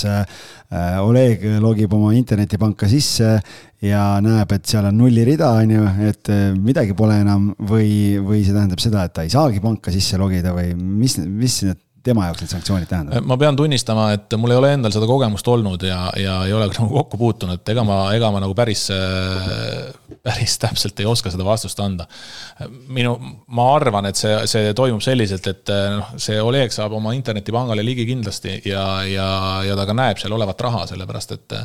Euroopa institutsioonid ei ole läinud seda teed, et nii-öelda see raha endale kohe ära võtta, et, et noh natuke tekib küsimus, et siis me ei oleks justkui nagu ka Venemaast milleski paremad, eks, et kui me läheksime otse sellist mingit ma ei tea, riigistamise või, või natsionaliseerimise teed, on ju et aga jah, lihtsalt. röövimine päise päeva ajal. just, et aga ta ei saa lihtsalt, ta ei saa nende varadega tehinguid teha, et kui ta proovib sealt kuskile oma raha üle kanda, siis pank ütleb talle, et tehing on blokeeritud. Kui ta proovib selle kontoga seotud krediitkaarte, pangakaarte kasutada, siis talle öeldakse, et need tehingud ei lähe läbi, kuna need on blokeeritud, et noh, ta ei saa lihtsalt kasutada oma varasid. Sa tõid nüüd hea selle teema sisse, et see Venemaa nüüd äh, on nii-öelda riigistamas äh, kogu oma seda lennukite parki ja kõiki neid välismaa firmasid, kes seal seni tegutsesid, et äh, milline normaalne ettevõte, kui nüüd peaks mingi restart seal toimuma või midagi muutuma ja taas need nii-öelda piirid lahti minna, milline normaalne ettevõte läheb veel sellisesse riiki äri tegema, kes lihtsalt ühel hetkel nipsust ütleb, et kõik, mis oli enne teie oma, nüüd on meie oma? Ehm, raske ütelda, eks teisipidi saab ka nipsust ütelda siis ju seda, et, et see, mis me nüüd ära võtsime, et me anname selle teile tagasi, kui te tulete, te olete meil uuesti äri tegema. Ma ei tea, ma arvan, et Venemaaga seotud see, see maine ja, ja seal äri tegemise risk on ikkagi, see oli ennem suur ja, ja noh, nüüd on see nagu oluliselt suuremaks äh, kasvanud. teisest küljest, kui võtame seda, seda nii-öelda mõne Äh, mõne päeva tagust või siin mm, jah, mõned päevad tagasi toimunud nii-öelda seda Vene äh, maksejõuetuks muutumise teemat, eks, et kas Venemaa suudab siis oma, oma riigivõlga teenindada ja intressid, maksed õigeaegselt ära teha. et, et noh, seal oli ka ju see oht oli nagu see, et kui riik peaks maksejõuetuks muutuma, siis noh, igasugune edaspidine selline rahastamine välisinvestorite poolt on noh, praktiliselt välistatud, sest keegi ju ei, ei, ei vii oma raha sinna, kui, kui sa ei suuda seda tagasi maksta. Teisest küljest äh, ka ilma selle maksejõuetuks muutumiseta on täna olukord, kus mitte keegi ei, ei ole nagu Vene võlakirjadesse valmis investeerima. et ähm, ma, ma arvan, et, et äh, noh, praegu, praegu on nagu selles mõttes selline, emotsioonid on üleval nii, nii kõigil, kes on otseselt osalised selles, kui ka kõigil teistel, kes seda siin analüüsivad ja ja, ja on, on nagu lihtne öelda ja ka lihtne näha nagu seda, et, et, et see Venemaa on nagu täielik paariariik ja, ja keegi seal nagu äri ei taha teha. Aga, aga noh, nagu ma siin eespool ka ütlesin mõnes kohas, et kui, kui see sõda nagu, sõjategevus lõpeb ja, ja natukene nagu aega mööda läheb, et küllap siis ka need emotsioonid vaibuvad ja vaadatakse jälle natukene sellise mm, nagu ratsionaalsema pilguga neid asju, et kust ikkagi on võimalik ka raha teenida. ja, ja ma, ma ei ütle, et ma ei ütle, et kas see on nagu õige või vale selles mõttes, et ähm, seda ei saagi praegu öelda, et see sõltub nii paljudest teguritest, eks, et kas Venemaa muutub, kas ta ei muutu äh,. Aga, aga noh, paraku äh, ajalugu on näidanud, et, et nii see tõenäoliselt läheb, et äh, raha, raha ja äri, ärisuhted ikkagi äh, on väga olulisel kohal majanduses tänapäeval, maailmas üldse. kui me rääkisime enne Ukraina põgenikest, siis mul jäi küsimata see küsimus, et eh, kui lihtne on nendel ukrainlastel oma nii-öelda säästud näiteks nüüd äh, siia Eestisse kaasa tuua, et kui nad saavad siin selle põgeniku staatuse, kas nad avavad siin mingi pangakonto, saavad sealt oma Ukraina pangast raha üle kanda või kuidas äh, see dünaamika käib? jaa, Eesti pangad on, on selle teinud võrdlemisi lihtsaks nüüd ukrainlastele, et kui eelnevalt noh, nad olid Euroopa Liidu väline maa ehk nii-öelda kolmas riik, siis siis neil siin see pangakonto avamine oleks võtnud äh, hulk aega, pluss, pluss ka raha, see oleks päris kallis olnud. Äh, siis tänaseks on äh, minu teada vist äkki kõikides pankades loovutud raha küsimisest, selles mõttes, et see konto avamine on neile tasuta. seda püütakse teha ka võimalikult kiiresti ja, ja, ja noh, siis edasi on juba jah, et kuna Ukraina panku ju selles mõttes keegi sanktsioneerinud ei ole, et siis äh, sealt on võimalik see raha siia kanda, et äh, mismoodi see tehniliselt käib, et eks see sõltub juba konkreetsetest pankadest ja, ja nii-öelda, et noh. tead, seal on ju raha nii-öelda Ukraina kriminaalnes on ju, et et äh, kuidas, kus pool see konverteerimine käib, tõenäoliselt tuleb sealpool see konverteerida eurodesse ja siis siia kanda, et. kui palju LHV-sse on ukrainlasi nii-öelda klientideks tulnud? Ma tean, et meil on, meil on tänaseks juba, oleme sellega tegelenud selles mõttes, et ähm, et me oleme välja ütelnud need, need reeglid ja, ja, ja, ja meetodid, et mismoodi meie, meie juures seda teha saab ja on ka esimesed huvilised olemas ja jään praegu täpse vastuse võlgu, kas on esimestele ka juba kontod jõutud avada, aga, aga noh, see on, kõik on ikkagi nii värske teema veel, et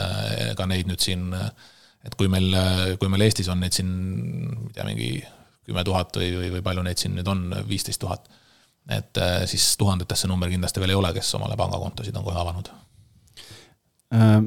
võib-olla nüüd, kui tulla Venemaalt ja Ukrainast äh, siia kodukamarale tagasi, et, et räägime kinnisvarast ka, et kui meil kinnisvara juttude saade on, et et äh, viimaste nädalate jooksul vist ei lähe ühtegi päeva mööda, kus mõni, mõni tuttav või mõni klient ei küsiks, et kuule, räägi nüüd, et mis nüüd siis õige teha on, et kas praegu on, kas nüüd äh, hinnad kukuvad ja noh, kui vaadata meediat ka, et igal spetsialistil on oma arvamus, ühed ütlevad, et no hinnad hakkavad nii hullult nüüd kukkuma, teised ütlevad, et äh, arvestades seda, et sisendhinnad, kõik materjalid ja muu sellise näol lähevad üles, siis ei ole nagu näha, kustkohast see hinnakukkumine täna tulla võiks, et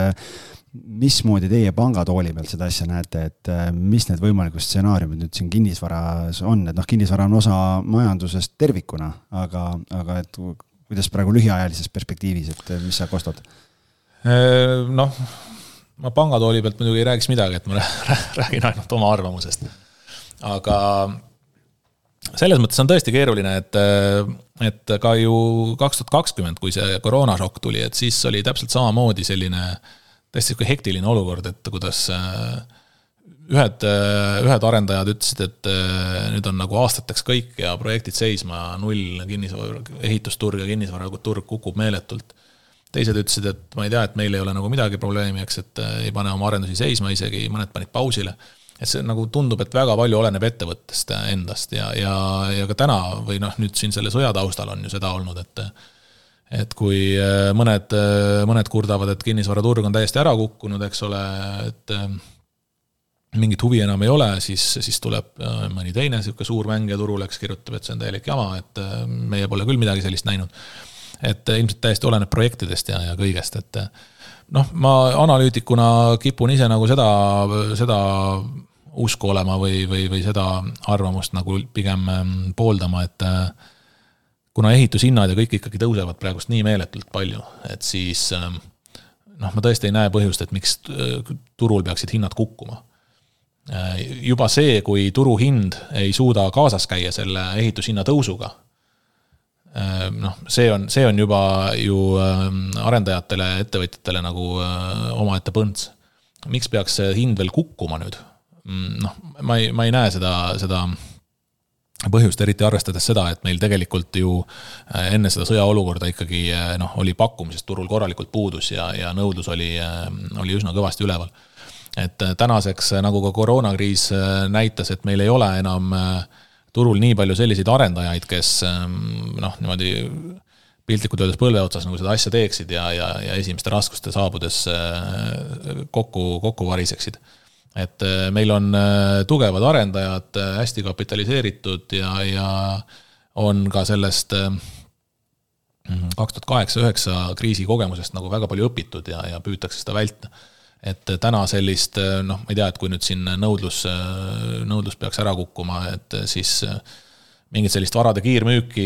mis võiks nagu hinnad alla müüa, alla viia, et eh, noh, ma ei näe, et see peaks no laojääki pole ka. laojääki pole ka. kellelgi ei ole varus väga ehitatud midagi et.... aga noh, okei okay,, et meil on, meil on noh, päris palju projekte on ikkagi nagu ehituse käigus, eks, et kui, kui projektid peaksid ükskord valmis saama ja, ja ei ole kohe seda nii-öelda täit nõudlust, et, et see, et see kõik välja müüakse, et siis noh, siis ikkagi ma ei, ma ei arva, et et sealt peaks nii-öelda selline mingi tohutu negatiivne hinnasurve tulema. aga minu jaoks on siin väike loogikaviga, et me rääkisime saate alguses, kuidas äh, antud olukorras praegu eestlase nii-öelda ostujõud kas jääb samaks või veidi kahaneb. nii, kui nüüd kinnisvarahinnad tõusevad, siis kes on need inimesed, kes selle nii-öelda need uusarenduste korterid ja, ja selle kinnisvara ära ostavad, kui ostujõud äh, jääb samaks või, või kahaneb? Noh, ehm, julgen pakkuda, et äh, uusarenduste kortereid ei ostnud ka ennem meil siin äh, selline päris tavaline keskmine eestlane, et. Äh, no vot ja siin minu küsimus mõlemale teile, kas äkki siis äh, elavneb hoopis nii-öelda see korterite järelturg, ehk siis äh.... ma enne kui Kristo vastab, ma võiks siia sekundeerida, tegelikult, mis ma tahtsin küsida, Siim lihtsalt äh, torkas enne vahele, oligi see, et noh, tegelikult noh, see võrrand ongi selles mõttes väga keeruline, et et nagu Kristo ka ütles, siis tegelikult, et kuna enne juba hinnanguliselt oli tuhat, tuhat viissada korterit uusarendustes vähem turul, kui tegelikult võiks olla, et nüüd, kui üks osa arendajaid veel ütleb, et me nüüd korraks paneme hold'ile, vaatame, mis saab, siis kui uut pakkumist peale ei tule, siis Siim, ega need äh, järelturg ei saa väga palju aktiivsemaks minna, sest nendel inimestel ei ole kuhugi minna, kui sul ei ole midagi osta et see defitsiitne olukord jätkub ja seda omakorda avaldab hindadele survet. liiga palju nagu... muutujaid olete siia võrrandisse toonud minu jaoks majandus paraku on niisugune kompleksne, kompleksne nähtus, et aga, aga noh, ma ütlen, et kui nagu nendest arenduse, uusarenduste korteritest mõelda, siis siis on ju selline omaette noh, selline nii-öelda, ma ei tea, kui palju see nüüd on müüt, kui palju tegelikkus, aga sihuke, sihuke sõnakõlks nagu, et, et meie need ükssarvikute IT-miljonid on need, mis on meil siin viimastel aastatel nagu seda kinnisvaraturgu boost inud ja üleval hoidnud. et ja noh, ka tegelikult pangast on näha seda, et et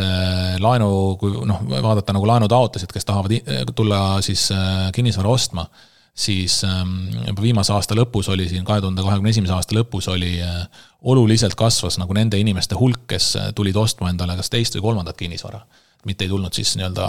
lihtsalt äh, esimest kodu omale ostma. ja, ja see tähendab seda, et tegemist on pigem sellise investeerimisotsusega. ja, ja selliseid otsuseid teevad noh, inimesed, kellel on raha et neid ei mõjuta tegelikult ka see, et, et noh, siin kui nüüd aasta aega, ma ei tea, inflatsioon on kõrgel, on ju et äh, selles mõttes need segmendid on nagu natukene erinevad, et äh, kas äh, noh, Eestis üldse, et kui vaadata kinnisvara hinna kasvu, mis on olnud väga, väga kiire viimastel aastatel, et siis seda tegelikult on ju vedanud ikkagi täiesti uusarenduse turg, et järelturu, järelturu hinnakasvud on nagu natuke teistsugused olnud. Okei okay,, selles mõttes Siimu jutus, noh, kurb küll tunnistada, on ju, et ma pean võib-olla ütlema, et on teatud tõetera sees esimest äh, korda meie saate ajaloos. et kui nüüd mõelda tagasi selle jutu peale, et kui paljud noh, et tuleb Ukrainas sõjapõgenikke ja, ja nende nii-öelda see peamine nii-öelda huvigrupp on siis äh, odavama otsa korterid või noh, selline pigem selline võib-olla magalapiirkonnad ja, ja kõik see pool on ju.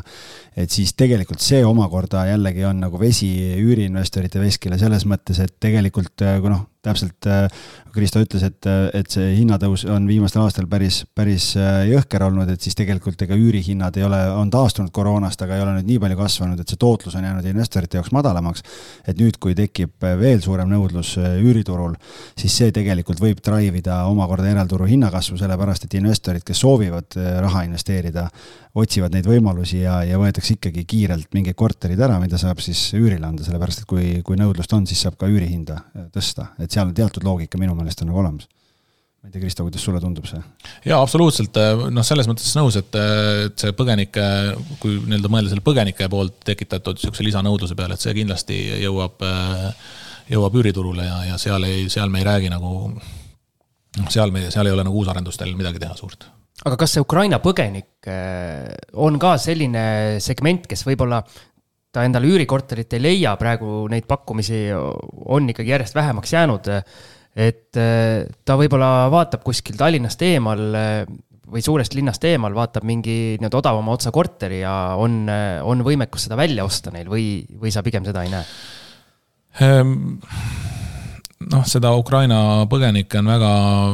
väga erisugusest klassist inimesi siia tulnud, et ehm, Äh, või, või noh, erisuguse taustaga, et on ju, on ju spetsialiste, äh, on, on lihttöölisi, et äh,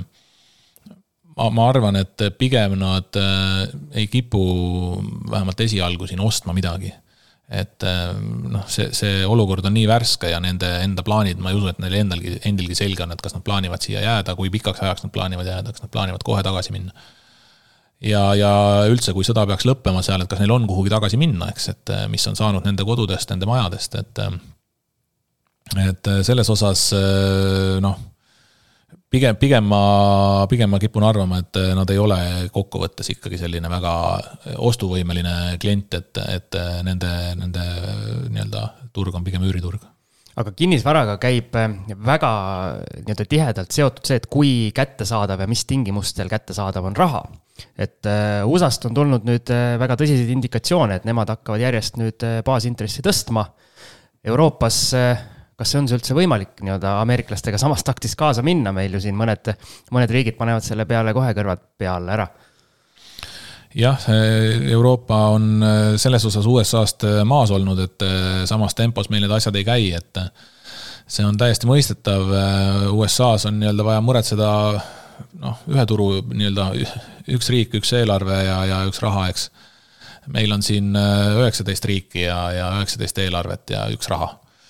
et äh, selles mõttes äh, neid probleeme on siin oluliselt rohkem ja, ja tuleb vaadata, et,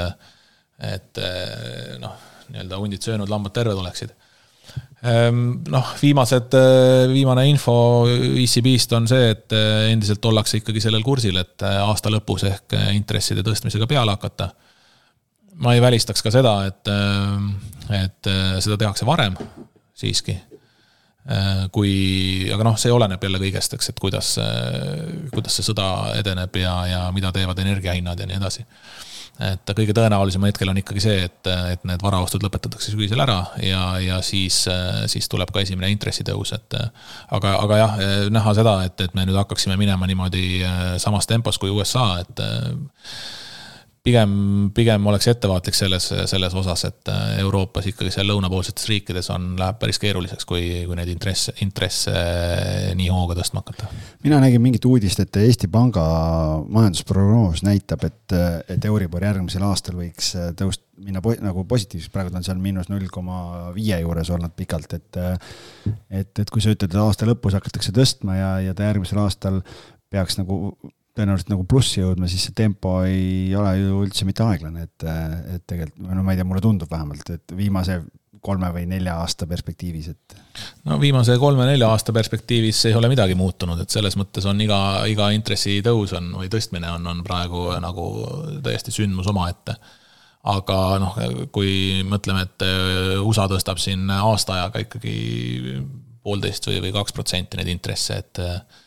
et nüüd siin viimased uudised ju on veel, eks Powell ütles, et, et sealt võib veel nagu kiiremini seda, seda tempot äh, kiiremaks ajada. et siis, siis jah, sarnast, sarnast tempot võib-olla noh, ütleme praegused indikatsioonid vähemalt ei näita, et et kui me selle aasta lõpuks jõuaksime intressidega kuskile sinna nulli, siis sealt juba üks väike tõste veel ja olemegi positiivses, positiivses nii-öelda maailmas jälle, et et see tegelikult ei võta väga palju kus see nende Lõuna-Euroopa nii-öelda suurte, suurtes võlgades olevate riikide nii-öelda valulävi on, et kuhu see intress jõudma peab, et nad ei suuda oma laene enam teenindada?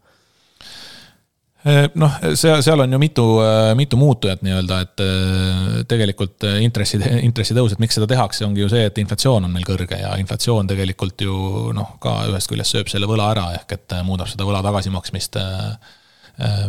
järjest lihtsamaks, et selle kohta on, on nagu noh, mingil määral võiks seda võtta selliselt, et äh, seni, kuni intressid, äh, intressimäärad jäävad inflatsioonist äh, madalamaks, ehk et meil nagu reaalintress on ikkagi negatiivne, et senikaua ei tohiks iseenesest nagu ka selle võla teenindamisega mingit suurt probleemi olla. aga, aga noh, eks seal on selline see jällegi sihuke poliitiline surve ja, ja kõik on, on, on väga tugev, et et seda vahet ka väga väikeseks ei, ei nii-öelda ei, ei aetaks täpset numbrit on, on siin väga raske öelda, et et noh,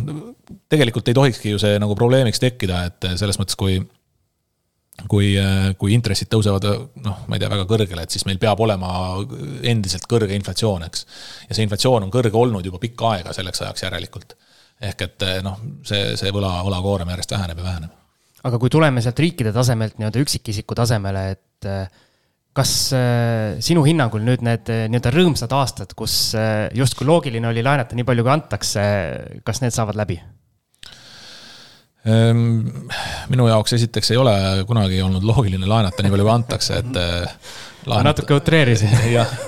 laenata tasub ikkagi, ikkagi siis, kui on, on seda laenuraha vaja ja, ja see nii-öelda mingisuguse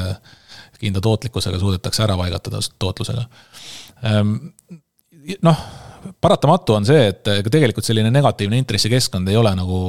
loogiline või loomulik äh, nähtus majanduse jaoks ja, ja igasugune äh, liikumine nagu selles, selles mõttes positiivsuse suunas või positiivsete intresside suunas on, on, on minu meelest ähm, õige, et me suudaksime nagu selle, selle positiivse intressikeskkonna taastada. Ähm, noh, tavainimese jaoks see võib olla selline mm, natukene rohkem ka niisugune võib-olla hirmujutu tasandil, et et äh, ma ei tea, mäletate, kuidas kaks tuhat seitse aastal olid, eks ole, intressid mingi viis protsenti või kuus protsenti ja. mina mäletan. Siim, Siim ostis kodu endale siis. siis jah. no vot, et. rikaste äh, lõbu. samas siis olid jälle pangapoolsed marginaalid mingisugune pool protsenti, on ju. ja, ja siis kirjutati veel lepingusse see nii-öelda kuulus asi, et kui Euribor läheb miinusesse, siis äh, lähebki miinusesse ja tõsi, et jah, et, et noh, selles mõttes ähm, praegu ei ole nagu näha seda, et, et meil need intressid peaksid eh, nii kõrgele tagasi jõudma ja, ja just seesama eelnev jutt ka nende nii-öelda noh, tohutult suurenenud eh, võlakoormustest riikide puhul. et eh, eks see on nagu ikkagi väga tõsiseks takistuseks, miks see, miks see noh, ei tohiks nagu nii kõrgele minna. ja, ja samas selline noh, ma ei tea, ühe protsendi, kahe protsendipunkti suurune kasv ei tohiks jälle samas inimeste jaoks, kes on mõistlikult laenanud, ei tohiks olla nagu nüüd väga suureks ohuks, et noh, selles mõttes on, on, on tehtud ju seda sellist arvutust, eks, et, et kui võtta niisugune mingi keskmine kodulaen sada tuhat eurot, on ju, et siis niisugune seal ühe, üheprotsendine intressitõus on niisugune viiskümmend eurot kuus inimese jaoks. et noh, tõenäoliselt selle, selle peaks nagu inimene ära sööma, sest et noh, kõik nii-öelda kõik nii-öelda sellise vastutustundliku laenamise raames või selle protsessi raames tehtud arvutused ja, ja, ja makse, maksejõu siuksed noh, kindlustamiseks või, või et kõik need arvutused on tehtud oluliselt kõrgemate intressidega, et see, kui inimene on, on nagu äh, esitanud õiged andmed ja, ja elanud mõistlikult, et siis, siis see ei tohiks nagu probleem olla. mul tuleb üks sihuke hästi pikk ja, ja ümmargune küsimus jälle, Siimule meeldib kindlasti et noh, sa ise, mul tegelikult tekkis see küsimus enne ja nüüd sa, kui sa ütlesid ka, et noh, et, et kes mäletab, et siis kui Euribor oli hästi kõrge, et siis panga intress oli madal. et ma tahtsingi tegelikult enne küsida seda, et kuna meil on siin kõvem, kõvasti raha juurde trükitud ja, ja selle koha pealt üritatud siis nii-öelda turgutada kogu seda, seda jama, mis meil siin viimased paar aastat on ümberringi toimunud. et kui nüüd Euribor hakkab tõusma, pankadel on raha, endiselt tahate välja laenata raha ja kas see nüüd tähendab siis seda, et ühel hetkel võib oodata jälle, et hakkavad eh, panga intressid eh, kukkuma või? Ehm, ma arvan, et ehm, esiteks me nagu natuke võtame praegu konteksti selle teise äärmuse, on ju. no alati, see on ju hea ju et see, see võib-olla ei ole kõige parem võrdlusmoment kohe, et panga intressid, eks nad eelkõige ikkagi äh, äh, noh, ennekõike praegu reageerivad sellisele konkurentsile turul. Sorry, ma segan sulle korra vahele, tegelikult sellel küsimusel oligi teine pool veel, miks ma mõtlesin, et ta läheb pikaks ja ümmarguseks, oligi see, et, et võib-olla sa lühidalt selgitad ka nendele inimestele, kes üldse noh, võib-olla ei ole süvenenud ja aru saanud või, või tundub jube keeruline ra raketiteadus, et millised need äh, peamised näitajad on, mida pank jälgib, millest lähtuvalt pank oma laenamise strateegiat äh, siis äh, kohandab, et äh, inflatsioon, majanduskasv, tööjõupuudus, mis need kõige nagu peamine või see on nagu tervik, et mil-, nagu millistest näitajatest kujuneb see, kus pank muudab nüüd, et okei okay,, praegu anname siin ühe koma kaheksaga või, või, või pigem kahe koma viiega või null koma viiega või noh, et mis need näitajad seal taga on? eks seal ilmselt ei ole sellist, sellist ühtset noh ma ei tea, ühtset näitajat, millega nüüd mingit korrelatsiooni otsida võib-olla ei ole, et äh, võib-olla on see korrelatsioon olemas, aga see ei ole nagu niisugune põhjus-tagajärg, eks. et äh, noh, ma ütlen ka siin ära, et mina, mina nende intressiotsuste juures ei ole, eks, et äh, ka pangamarginaalide sättimise juures, et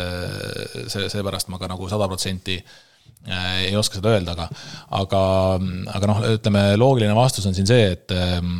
et äh, nagu iga teise kaubagagi, see tegelikult ikkagi noh, ütleme, tekib sihukeses konkurentsiolukorras niisugune tasakaaluline, tasakaalu hind. ja, ja mm, pigem ütleme, viimastel, viimasel ajal on sellised intressi no ütleme siis panga, panga marginaali äh, kõikumised äh, noh, pigem seotud sellega, et kas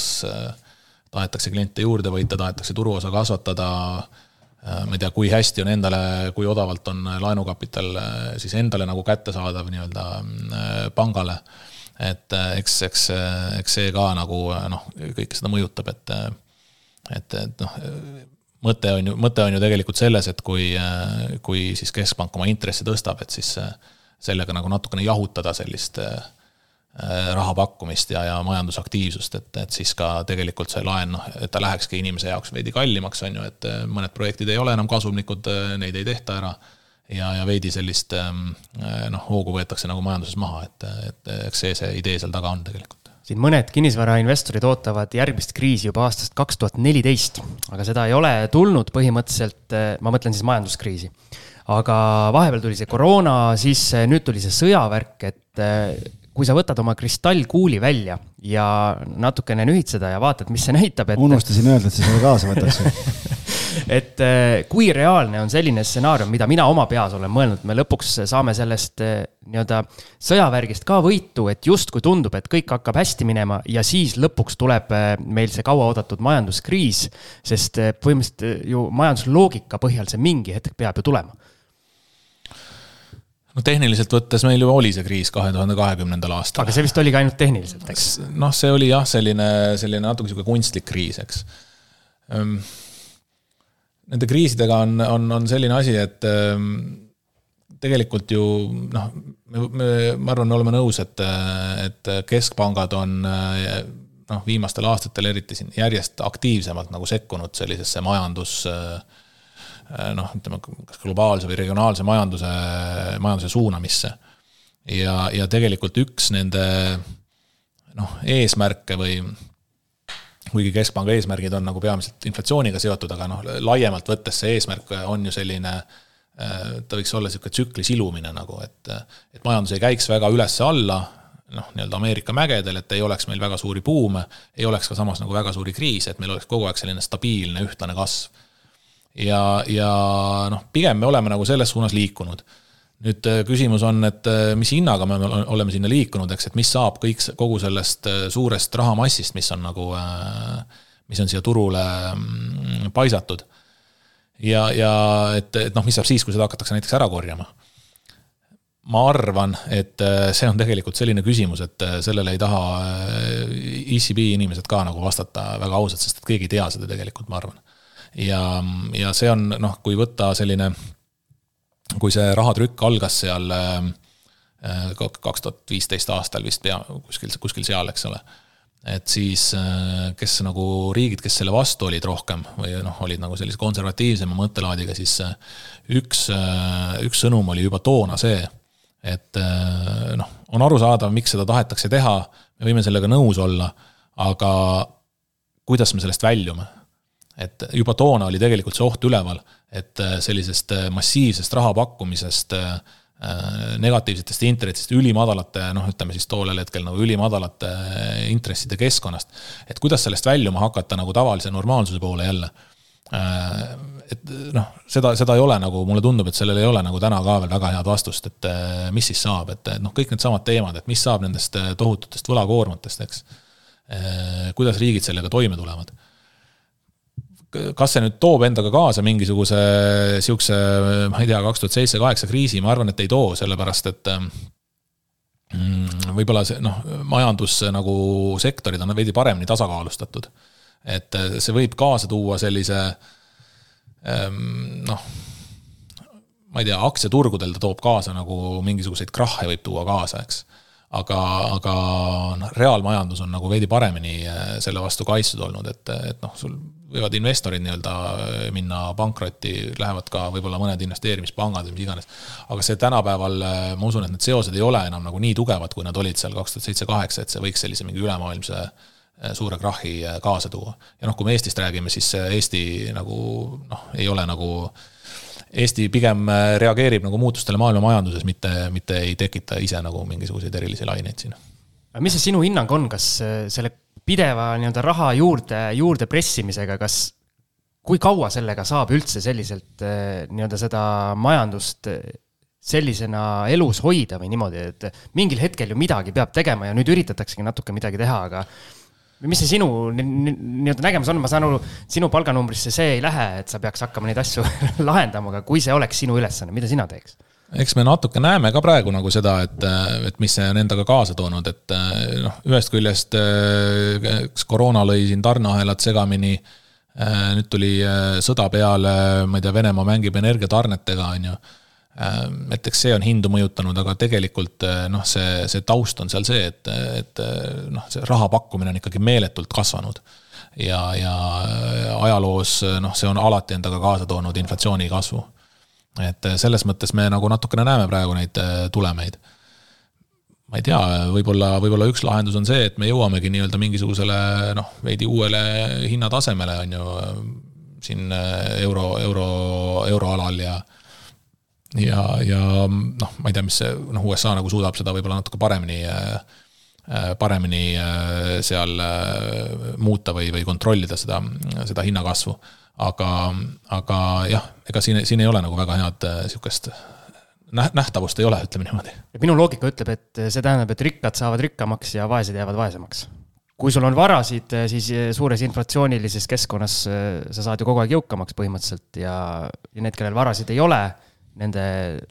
seesama, see ostujõud väheneb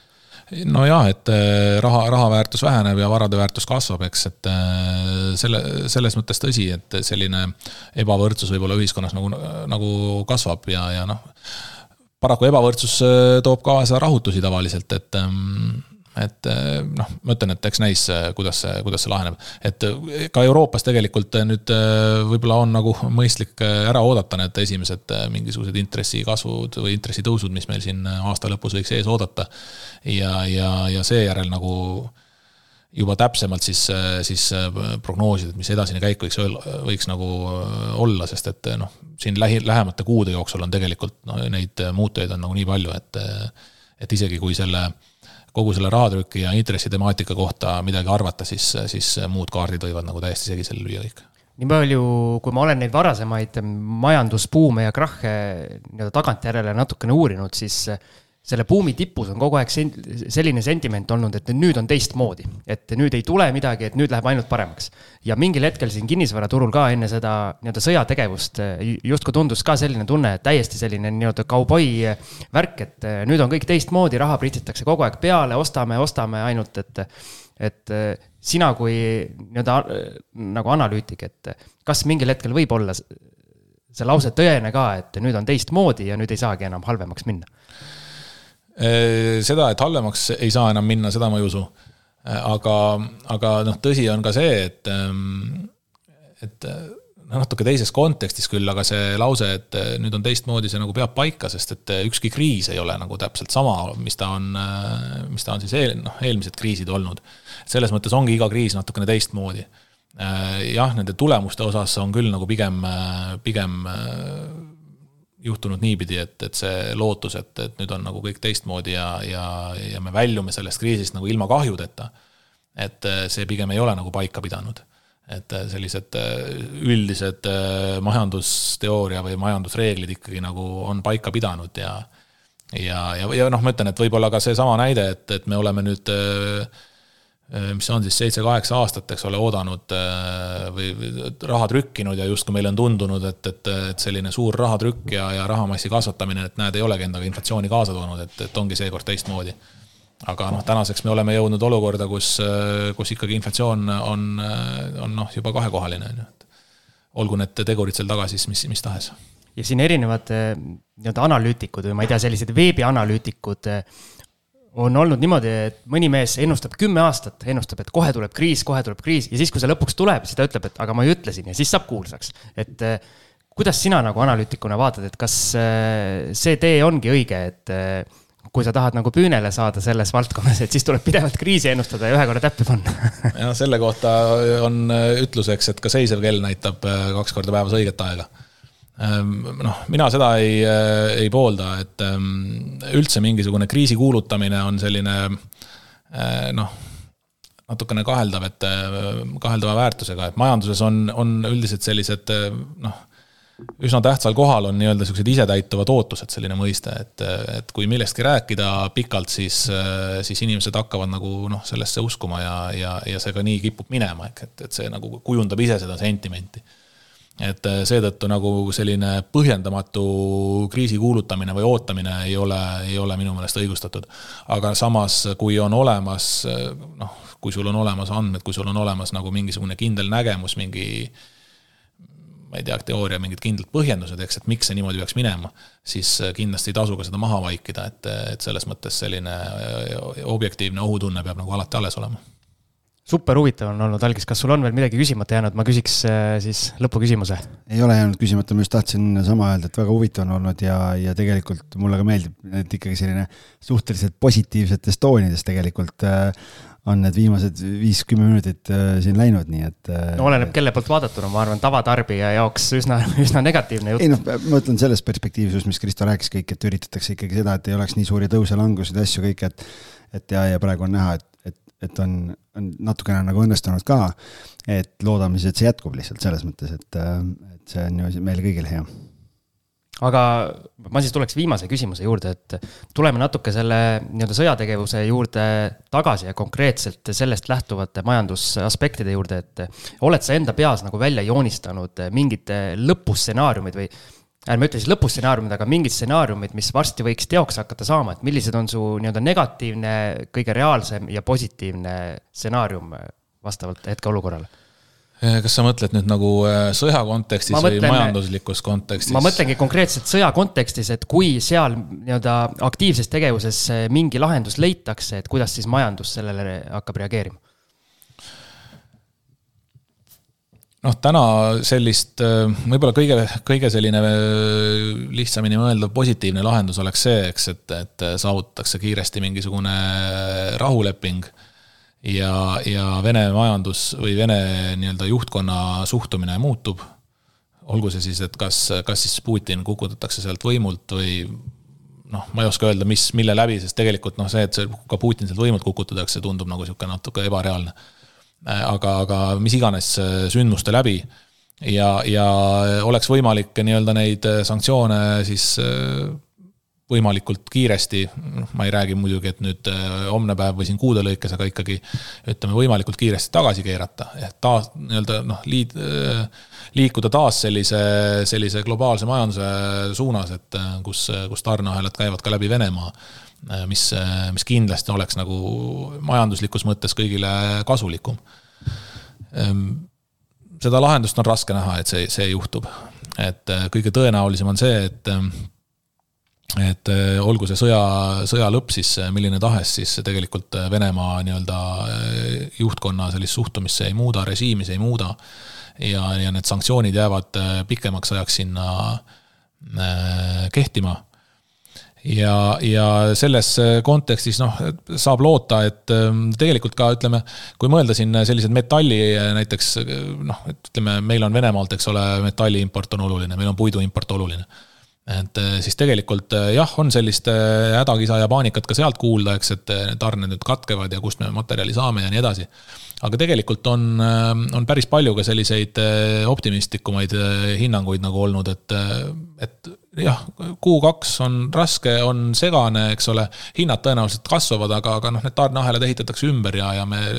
leiame need teistest kohtadest ehk et noh, majandus natukene lihtsalt äh, organiseerubki, äh, organiseerubki ümber, et võetakse teised surud, turud omale siht, sihtmärgiks ja, ja, ja, ja noh, nii-öelda see, see läheb, läheb elu edasi nagu, nagu ennegi selles mõttes. ja üks noh, kindlasti, mille, mille nii-öelda mis tasub mainimist, on see, et tõenäoliselt olenemata sellest, kuidas see, kuidas see sõda seal lõpeb, siis Äh, kindlasti Euroopa selline energiajulgeolek ja energiasõltumatus äh, on kindlasti asi, mille poole nüüd väga kiiresti edasi liigutakse. ja, ja selles suunas äh, tehakse suuri investeeringuid nii Lääne-Euroopas kui tõenäoliselt siin ka Eestis meil mulle meeldib, et Kristo selle negatiivse stsenaariumi jättis välja ja, ja siit minu see viimane küsimus ongi sulle, et kas majandusanalüütik peab olema loomult optimist või loomult pessimist? Mina ütleks, et peab realist olema, et tuleb vaadata, tuleb vaadata mõlemaid pooli. võib-olla, võib-olla noh, ma ütleks, et sellise sõnumi kujundamise mõttes võib-olla tasub rohkem nagu optimist olla, et just, just seesama nii-öelda mõte, et kui liigselt nagu negatiivset sõnumit võimendada, siis, siis see noh, see sellel on nii-öelda omadus iseennast jääda nagu võimendama ja, ja kajama ja, ja, ja see, see ei pruugi nagu kasuks tulla. aga ei ole mõtet kunagi ka sellist, sellist noh, põhjendamatut äh, lootust kellelegi pakkuda, et tuleb olla realist ja, ja, ja vaadata asju nii, nagu on oleme meie siis nii-öelda realistlikult optimistlikud ja pead liiva alla ja samas ei peida, aga suur-suur suur-suur tänu sulle, Kristo, et sa said tulla, ülimalt põnev oli. ja väga-väga kihvt, nii et suur tänu minu poolt ka. aitäh kutsumast. ja tõmbame siia joone alla ja aitäh meie kuulajatele. tšau.